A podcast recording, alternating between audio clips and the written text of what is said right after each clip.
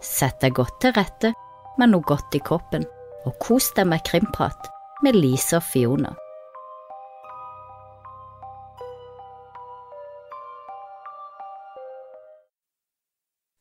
Velkommen tilbake til en ny episode av Krimprat med Lise og Fiona.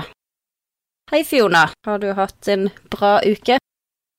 Ja, det er Beatles-feber på um, femte, sjette og syvende trinn. det er kjempegøy. Så Ja. synger Beatles er dagen lang på jobb. Det er veldig gøy. Mm, du da? Har du noe godt i kroppen? Ja, i dag så har jeg faktisk varm iskaffe. Varm iskaffe? Jeg var tom for eh, cappuccino, så, skurrer. så hadde jeg bare sånn der eh, cappuccino og iskaffe, men det funka bra det med varmt vann, altså. Ja, ja. Ja, så det er min eksklusive drikke i dag. ja. Og du har i koppen, da? Nei, jeg har rett og slett eh, en radler i dag. Så, jeg, En hva for noe? En radler, det er sånn eh, alkoholfri eh, Ja, hva skal vi kalle det? Eh, det er vel en slags øl med sitronsmak? Alkoholfri? Ja. Eh, det er veldig godt. Og det er Ja. ikke i kopp, det har bare rett fra Ja. flaska. Yeah. Ja, det må jo være lov. Ja. Og i dag har jeg med meg noe litt eh, spennende, Lise.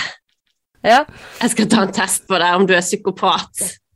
Og da vil jeg egentlig ta en test på alle lytterne våre òg, så du skal nå, når du lytter på denne, et enkelt spørsmål, så skal kunne avgjøre om du er psykopat eller ikke. Så eh, får du formulere svaret ditt i hodet, og så kan du vente på eh, et svar fra meg, hvis du lurer på det, da. Men nå skal vi iallfall teste Lise. ja. Kan jo okay. bli interessant. Er du klar? Eh, ja, tror det. Kan jo bli ganske Ja. Håper det går bra. Krysser fingre. Eh, ei jente går i begravelsen til mora si. Der møter hun en mann hun ikke kjenner, og jenta syns denne mannen er helt fantastisk. Han er virkelig drømmemannen, og hun blir forelska i han med en gang, der og da. Men mannen forsvinner uten at hun får navn eller telefonnummer. Og et par dager senere så dreper jenta sin egen søster. Hva tror du motivet er for at hun dreper søstera si? Allerede glemt hvem hun gikk i begravelse til. Altså, en jente går i begravelsen til sin mor, Til sin og der møter hun en drømmemann, ikke Ja, sant? og så Hun får ikke nummeret hans, eh, hun får ikke kontaktinformasjonen hans, eh, for mannen forsvinner. mm, Eh, men et par dager senere dreper jenta sin egen Ja, søster. hun dreper Hva tror du motivet er? Det er jo for at hun håper mannen skal komme tilbake i søstera sin begravelse, så hun kan få nummeret. Sitt. Jeg er psykopat nå. Jeg visste det. Ja! Ja, jeg visste det.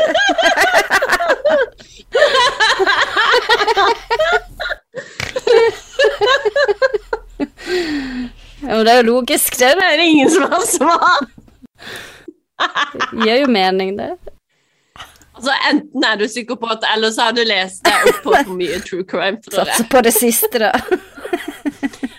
Jeg var bare sånn Ja, altså søstera var sikkert mannen Mm. kjæresten til søstera, da, sier jeg. Og det, de fleste sier jo det. Ja, og jeg gjør de det. Men skal jeg lese det? Tenkte jeg på en gang. Det var helt logisk for meg at hun skulle ha han tilbake til begravelse, liksom. Det. Nå skal jeg lese hva det står her. Eh, det er et svar som går igjen, der. Årsaken til at hun dreper søstera si, var fra hun var sjalu på henne. Så kanskje at hun så at de kyssa i begravelsen, at hun så at mannen var mer interessert i søstera enn i henne, da. Mm. Men samtidig er det noen få som svarer noe helt annet. Nemlig at du drepte søstera si for å se mannen igjen.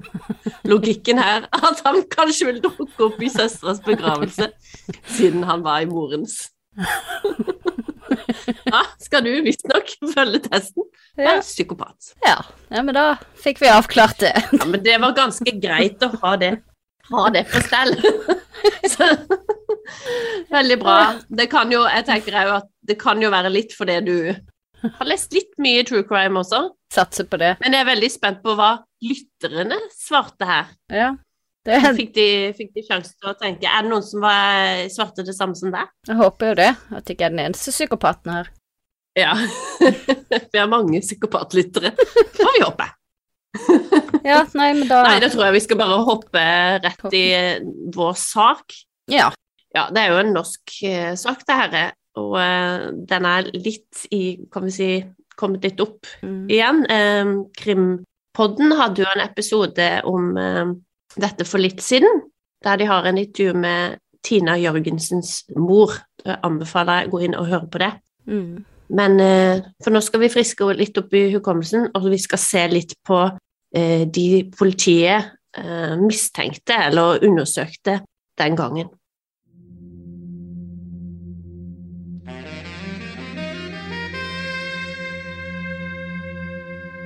3. september 2021 blir det blåst liv i en gammel drapssak fra 2000. En mann i 50-åra er mistenkt for drapet på 20 år gamle Tina Jørgensen, og den samme mannen ble også sikta for drapet på Birgitte Tengs fra 1995. Så la oss gå tilbake og se på hva som skjedde for over 20 år siden, da Tina forsvant.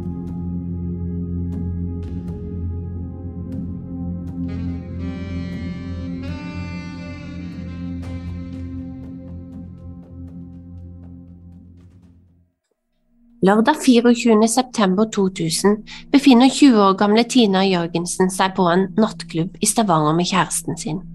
Det er en varm kveld, og byen bobler av liv. Etter et vellykka vorspiel drar Tina, kjæresten og en kamerat ut. Utpå kvelden begynner kjæresteparet å krangle, og Tina blir borte for kjæresten utenfor utestedet mellom ett og to om natta. Klokka 19 dagen etter melder kjæresten Tina savna, og en stor leteaksjon blir satt i gang. Politiet leter både på land og i sjøen, men uten resultat.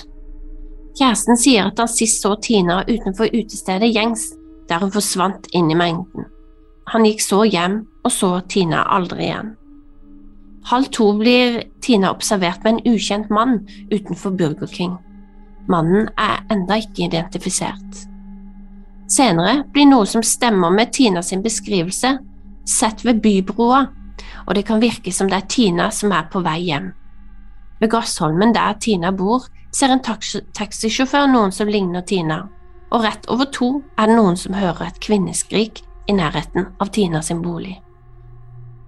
26. oktober blir Tina funnet med ren tilfeldighet.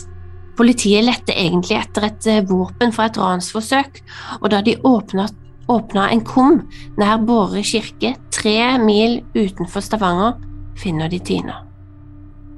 I en vid sekk av kunstfiber blir hun funnet under parkeringsplassen.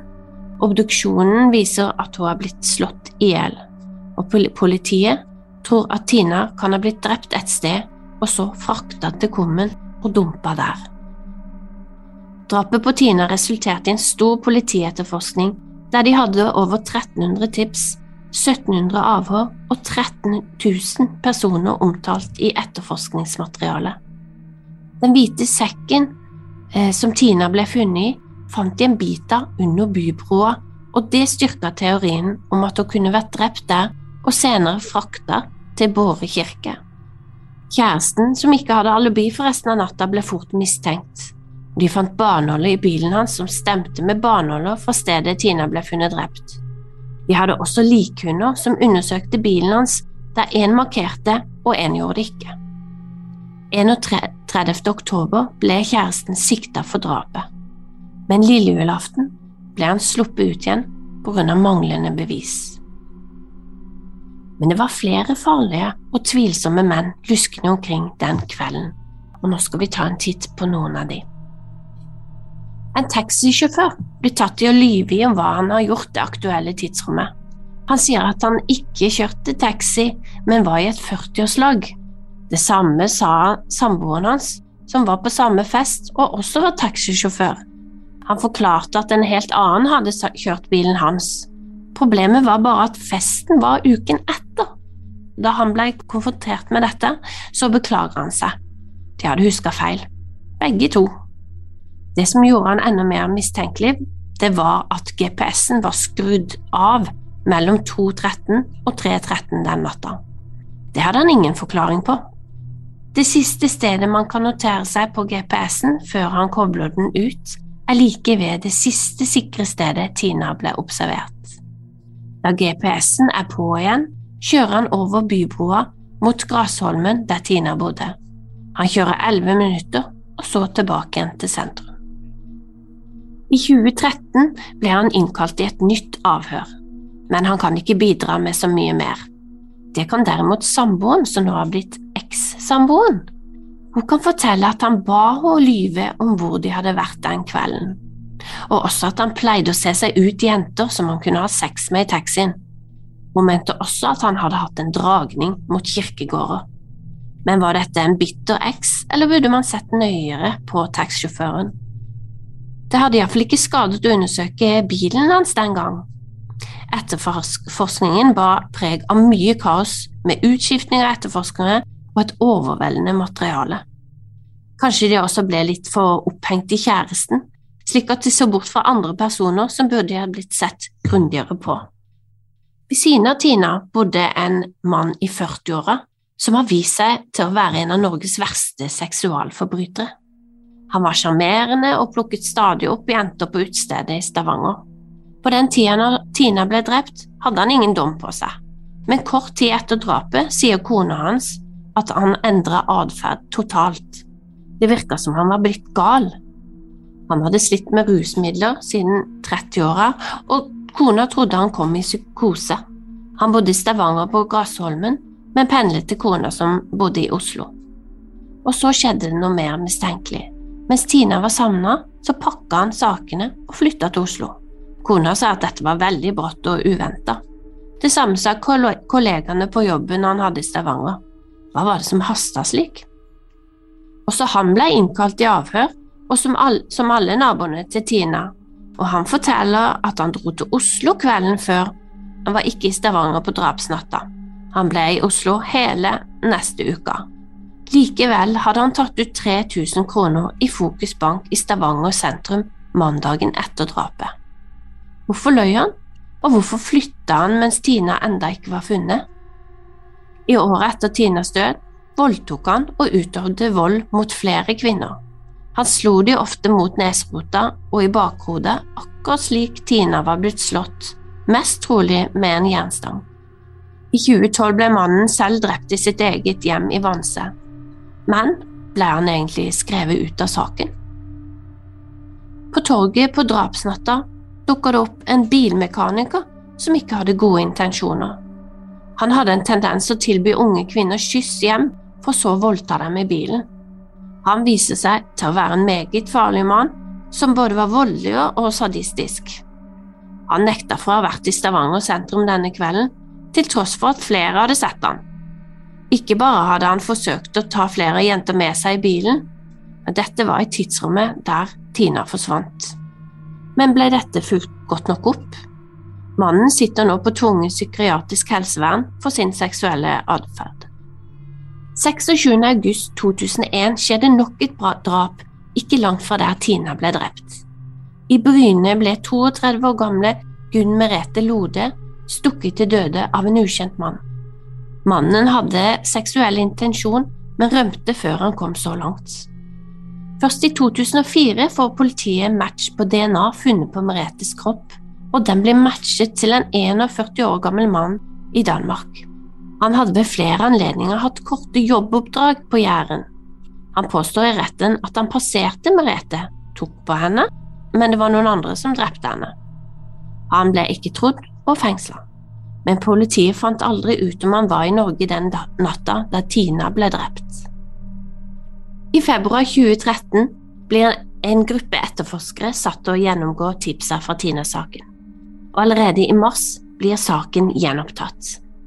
En mann som blir sett med Tina på drapsnatta, blir etterlyst, og det blir laga en fantomtegning.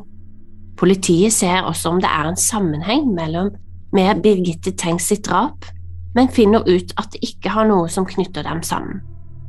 Så blir fire menn pågrepet i september 2015. De kjenner hverandre og har en tilknytning til Lyngdal. Mannen på 36 år skal ha kjent Tina, og han har meldt seg for politiet. 9. oktober blir alle de fire mennene løslatt. 12. september 2016 blir saken mot dem henlagt.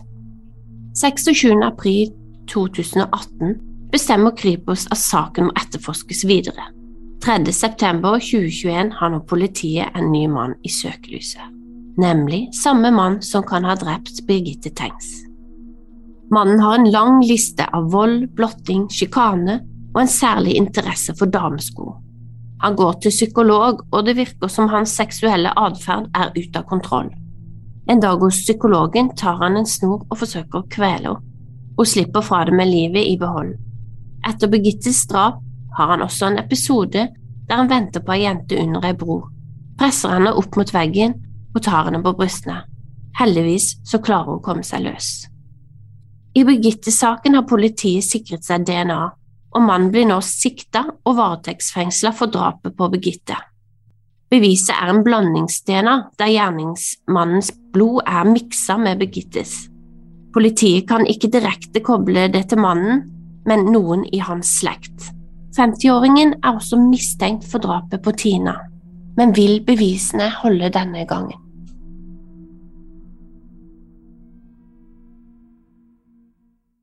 Ja, det var en oppfriskning av drapet på Tina Jørgensen. Uh, hun er jo på vår alder, uh, Fiona. Jeg husker jo, husker jo godt når uh, Tina forsvant og det var mye i media. Dette var jo heller ikke så lenge etter drapene i Baneheia, så det drukna kanskje litt i mediebildet av den saken, men jeg husker jo veldig godt Tina, og det er jo en sak som stadig har vært oppe i, i media. Hun var 20 år når hun forsvant i 2000, og da var jo jeg 22. Uh, eh, ja, husker du noe fra saken den gang, Fiona?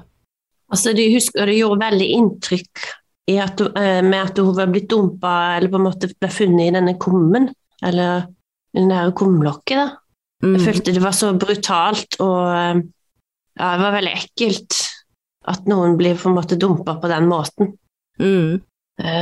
Så det ga jo veldig trykk. Du gjorde jo det.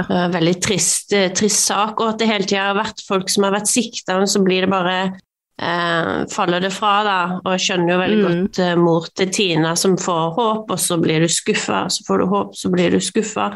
Og eh, hun mm. jo, var jo glad i han kjæresten òg, og visste jo mm. at det ikke var han som kunne ha gjort det, så det var, har vært utrolig påkjenning for den familien. Mm.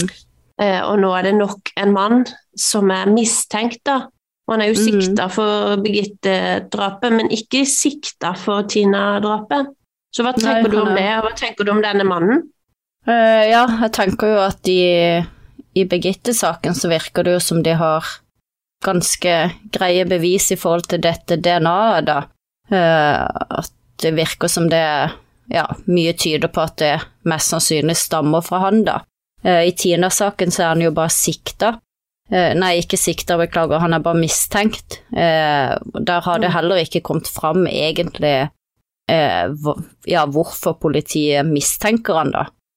Men da har de jo ikke så sterke bevis, da, siden han bare er mistenkt. Sånn som i Birgitte-saken, så er han jo sikta fordi at de har dette DNA-et. Ja, mm. de har vet at han var i området når hun forsvant, og litt sånne ting. Eh, så hvorfor de også mistenker han i Tina-saken, sånn i forhold til bevis, det er jeg ikke sikker på, men det har nok noe med eh, at det også er likhetstrekk i, i hvordan de ble drept. Eh, at begge er drept et sted og frakta et annet sted. Kanskje litt med alder og, og det er vel ikke så eh, geografisk langt ifra hverandre heller. Karmøy og Stavanger, der Tina forsvant, da. Mm. Og Derfor jeg synes det var så viktig, og når han kunne mistenkt, så syns jeg det var viktig å dra frem de andre som ble mistenkt, eller på den tida eller i ettertid, eh, og snakke litt om det. Fordi at eh, han var kanskje i nærheten når Tina Jørgensen ble drept, og det er grunnen til at han blir mistenkt nå, men det var veldig mange andre suspekte menn. Ja, ja det var jo det. Eh, og var det noen som utmerka deg, de jeg nevnte i Storytel? Denne taximannen, uh, i og med at han hadde skrudd av GPS-en uh, i det tidsrommet Tina forsvant, han, var det mm. han som var død, eller? Ble jeg litt usikker her. Det var en av de andre. Det var en av de andre som var død, ja. Eh, altså, jeg, det er ikke noe informasjon om at han er død, men det var jo det at mm. eh, eksen hans eh, eh, i 2013 Ja.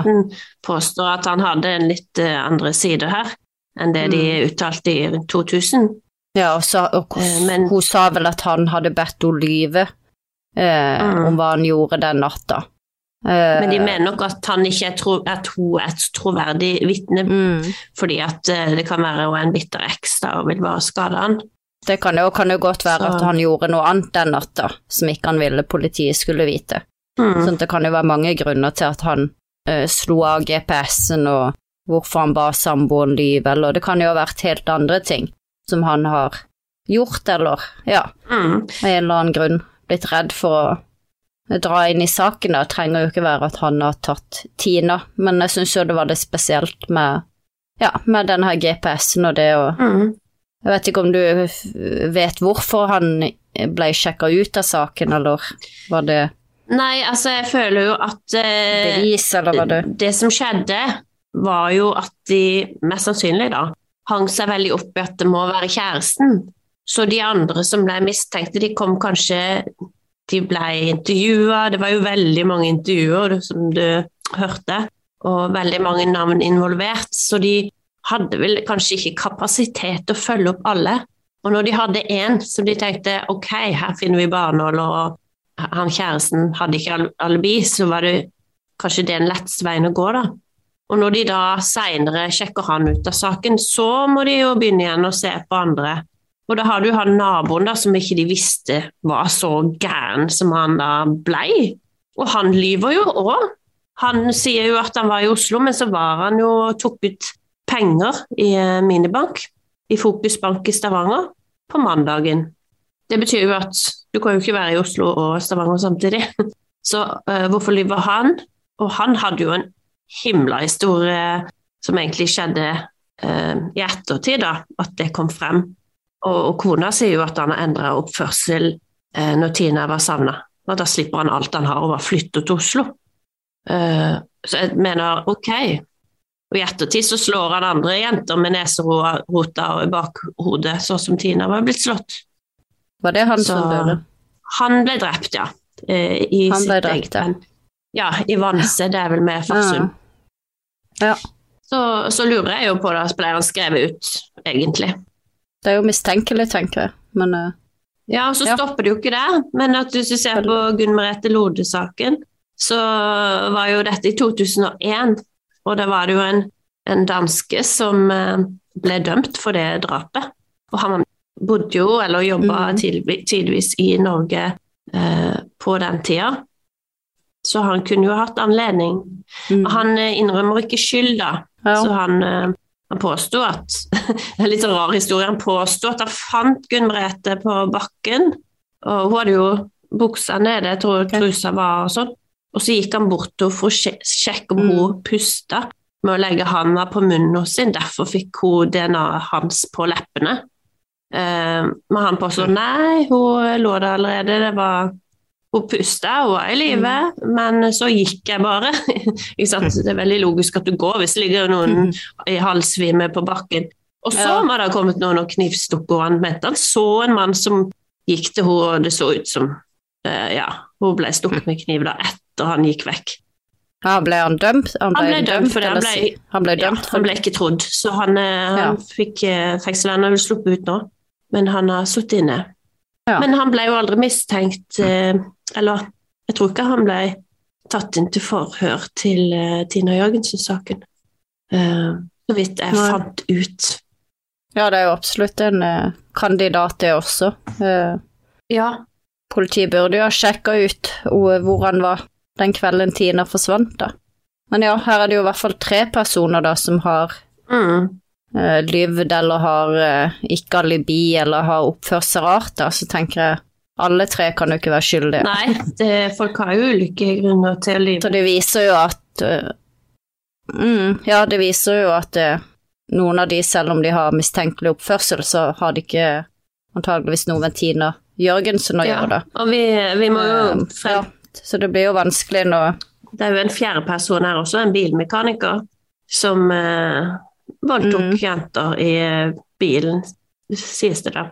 Eh, Og Mm. han sier at han ikke var i Stavanger, men flere sier at de så han i Stavanger by den kvelden. Så, eh, men han sitter inne nå, han er jo ja, i syke, tvungen psykisk helsevern, så han var jo ikke helt god. Mm. Eh, og han hadde en sånn sterk seksuell atferd, da, eller avvik. Ja. ja, så tenker jeg hvis alt de hadde var øyenvitner som, ja, som sa at de så han, så er jo ikke, er jo ikke det et sterkt bevis eller noe politiet egentlig kan Mm. bruke sånn. Hvis ikke de finner noen andre sterke bevis på at han faktisk var der. En vet jo sjøl av erfaring at eh, ja, minne eh, Det er fort gjort å glemme ting og blande dager og blande tid og ja, noen eh, dikter opp ting bare for å være viktig eller ha noe å si i en sak også, så Men det er ja, så det er jo viktig at politiet går inn og, og gjøre grundigere undersøkelser da, på sånne mennesker som de får tips om, og Ja. prøve å kartlegge hvor de har vært. det. da. Fordi at jeg føler liksom at alle disse her menneskene, tvilsomme menneskene, ble det egentlig sjekka helt ut av saken. Det er det jeg sitter igjen med store spørsmålstegn her, fordi at det, det er veldig mange som har anledning, da virker det som, og som er syke nok i huet til å, å gjøre det her. Eh, men det er akkurat som det har stoppa opp, for jeg har ikke sett noe sted at ja, men det, han ble sjekka ut av saken. Det var Ikke sant? Eh, det har jeg ikke sett på disse. Nei, det er vel bare han kjæresten som, som er sjekka skikkelig ut av saken, tror jeg. Ja, Um, jeg jeg vet ikke helt hvordan eh, det gikk til heller. Vet du noe om det? Eh, nei, ikke Eh, sånn på han fikk jo erstatning og sånn, så de Mm. burde jo ha sjekka han ordentlig ut av saken. mm, For han ble vel tatt inn på veldig dårlig grunnlag, iallfall. ja, ja, det var jo litt sånn klassisk Ja, man ser til det nærmeste først. Det, det skal man jo, men det er jo viktig at man ser andre plasser òg. de hadde jo hatt en krangel Mm. Veldig rart at, Ja. Så jeg skjønner jo hvorfor. at ikke det var noe mer bevis. Ja, At det ikke var noe mer DNA, og at ikke de kunne finne noe mer de Mm. kunne bruke. For når de fant henne, så var hun jo pakka inn i en sånn en eh, presenning, var det det, eller var det sånn hvit Hvit presenning, Ja, eller var det sånn fra sånn høyball? eh, Glassfiber. Glassfiber. Glassfiber, ja. Eh, sånn pose. Glassfiberpose. Og de fant jo deler av den under bybroa. Mm. Og det er jo sånn Det virker jo helt vilt. Det, Den tror jeg kanskje er blitt kasta. Ja. Jeg tror ikke de har tatt vare på den. Og det er jo litt sånn Nei. håpløst. Og så gjør meg så sint! Ja. Å, i all verden for noen grunner har du til å kaste noe i en uløst sak? Mm. Jeg skulle jo tro at uh... Det er kasta masse beviser i Tina Jørgensen-saken. mm. Og det er jo ganske Altså, frustrerende. Jeg tenker Ja, den kunne jo gitt den for du kan jo løse ting med DNA, ikke sant? Mm. Nå. Eh, og det er så, sånn som uh, han som er mistenkt uh, for uh, Birgitte-drap. Altså, de har jo bare sånn mm. blandings-DNA. Og altså, de er så mye mer rusta til å løse sånne saker, og så bare Nei, det Ja. ble kasta! På veien her. Ja, det blir jo håpløst og gjør jo saken mye vanskeligere å, å løse mange år seinere, da, når ikke de har Mm. Jeg regner med de har tatt eh, ja, DNA-test eller gjort det de kan før de har kasta det, da, så kan det jo være de har noe materiale, men eh, ja, nei, det er håpløst å, å kaste sånne bevis. Altså, det, virker, det virker som mye var spolert. Mm. Ja, og det er det Ja, jo. jeg anbefaler jo å høre på det intervjuet Mm. med mor til Tina Jørgensen. Det var bare noen uker Mm. siden, tror jeg, de ga ut krimpodden om det. og da er det jo hun som forteller sin historie, Mm. og hvor frustrerende var nå at så mye bevis Mm. er borte. Og politiet kan ikke helt forklare Nei. det. Nei, og det ser vi jo i Altså- flere saker, at eh, ja, bevis blir kasta Ja. eller gitt tilbake, eller bare forsvinner underveis, da. Mm. Eh, og det er klart, det, Mm. det er jo sånn i rettssystemet at man, man kan ikke bare synes og tro og tenke, man må faktisk ha ganske sterke, klare bevis da, for å kunne få noen dømt.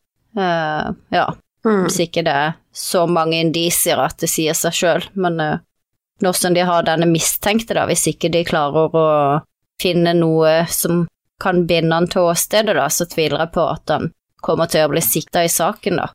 Uh, men jeg håper Ja. jo at de kan finne et svar. Nei, for da er han jo like Ja, altså er han mer mistenkt enn noen av de andre tvilsomme folka vi har ramsa opp her. Mm. Eller er det på lik linje med de, liksom? Ja, ja, det er jo det. Det, det, det lurer jeg veldig på. Jeg håper, håper vi får noen Mm. svar snart på det. Og, Ja. ja. Så blir det jo spennende å høre hvordan det går med Birgitte-saken Ja, også. det gjør jo det. Eh, Det virker jo som i hvert fall de har sterkere bevis i Birgitte-saken. Eh, Da fikk han jo nettopp eh, tolv uker forlenga varetekt også, og det er jo fordi at retten ser at politiet har ganske sterke bevis. Uh, Ja, og Mm. det DNA de har er jo har, sånn som jeg har forstått det, bare blitt sterkere etter nye undersøkelser. Uh, og ja, kartlagt vel egentlig at det er ikke noen andre i hans sin familie som har vært i området i den perioden, da. Sånn at da, Ja, de kan eliminere, og så står du igjen med han, Ja, ikke sant? Og da da, liksom han eller noen i hans sitt slektstre, da. Så da tenker jeg at uh, ja, mm. oddsen er ganske stor for at det er han, da. Men vi må jo se åssen saken mm. utvikler seg, og så får man jo håpe for Tina sin familie at de også kan få et svar på hva som har skjedd, og at den som har tatt livet av Tina, ikke minst får straffa de fortjener. Og det håper jeg virkelig, og, og at mammaen til Tina spesielt, da, som er som man føler virkelig på kroppen hva hun har gått gjennom når du hører hun fortelle. Og utrolig sterk dame, forresten. Eh, du blir litt sånn wow, Ja, eh, veldig. hvordan hun tenker. Veldig interessant å høre. Mm. Men det jeg skulle til å si var Jeg husker Jeg husker når de eh, Når de fire ble arrestert her for noen år siden. Eh, da var det jo store medieoppslag med en gang, og ja, da tror jeg kanskje media var litt kjappe i avtrekkeren med å gå ut, da. Jeg tror mange kjente på at eh, oi, nå, nå kommer det et svar, nå har de funnet en løsning, og han ene hadde innrømmet det, og det virka jo ganske sånn. Ja, og så viste det seg at eh, ja, det var ikke noe hold i noen ting, og, og de ble jo løslatt og ja, sjekka ut av saken, da, for de hadde ikke noe med det å gjøre, da. Men eh, jeg tror nok det var ganske Men jeg fant veldig lite om mm, Jeg fant veldig lite om hvilket grunnlag de var eh, på en måte mistenkt eller sikta på. Eh, Det var den ene som sa at de hadde gjort det, rett og slett. Eh, et eller annet, så hadde de det til noen andre, altså eller rykte. spilt inn på et lydbånd, et eller okay. annet. Men, eh, men det var han ene, men jeg forsto som at han, om det var noe psykisk syk, bare, altså sånn litt Mm. sånn Thomas Ok. Quick-aktig.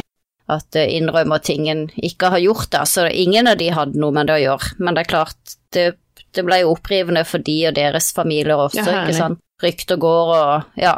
Selv om ikke de var med navn og, og bilde i media, så er jo lokalområdet, kjenner de jo. Uh, og det er jo det, når du får noe sånn på deg, så er det alltid de som vil tenke ja, men hva hvis om en at Mm. ingen ild uten Nei, ingen røyk uten Mm. ild, og ja, men jeg tror Håper og tror alle har fått med seg at ingen av de hadde noe med den saken å gjøre, sjekka ut. Ja. Så, så det er vel han, han de står med i dag, som er det Ja, kanskje det som er rette svaret. En får jo håpe at politiet klarer å finne ut av det. Mm. Hvis ikke så håper jeg at de igjen får granska nøye. Jeg vet at eh, Kripos har jo åpna det i 2018, eh, og det er vel Mm. en åpen sak. Så Ja. ikke slutter med å leite etter Mm. gjerningsmannen eller mennene, eller ja, jeg kan ikke si kvinner Mm. i den saken. Ja, håper jo Mm. Håper jo at de finner det. Det har jo noe med Mm. At de må få straffa Yes. si. Noe med tryggheten til oss andre òg, som det å ikke Mm. vite. Kanskje går han blant oss ennå. Kanskje er han i Danmark. Jeg skal til Danmark i helga, Ja. så skal holde øynene. Ah. Ja, og følge med. Nei, det blir spennende å se, se om, eh, om politiet klarer å finne noe svar. Eh, nå er det jo 21 år siden hun ble drept, så ja. En tragisk sak i hvert fall. Det er helt Mm. sikkert. Så vi er jo tilbake neste uke med en ny sak, og vi ønsker at du tar en titt Mm. på vår Instagram, send oss gjerne meldinger, tips oss om saker, og hvis det er noe vi ikke har fått med oss, Mm. så er det bare å skrive til oss om det òg. Mm, og så må du huske å sende eller skrive på Facebook eller Instagram hvis om du var psykopat eller ikke. Ja, Lise håper på at Så det er flere, det var flere, flere psykopater der ute, ikke bare meg. Ja. Så fingrene er Ja. der, Lise.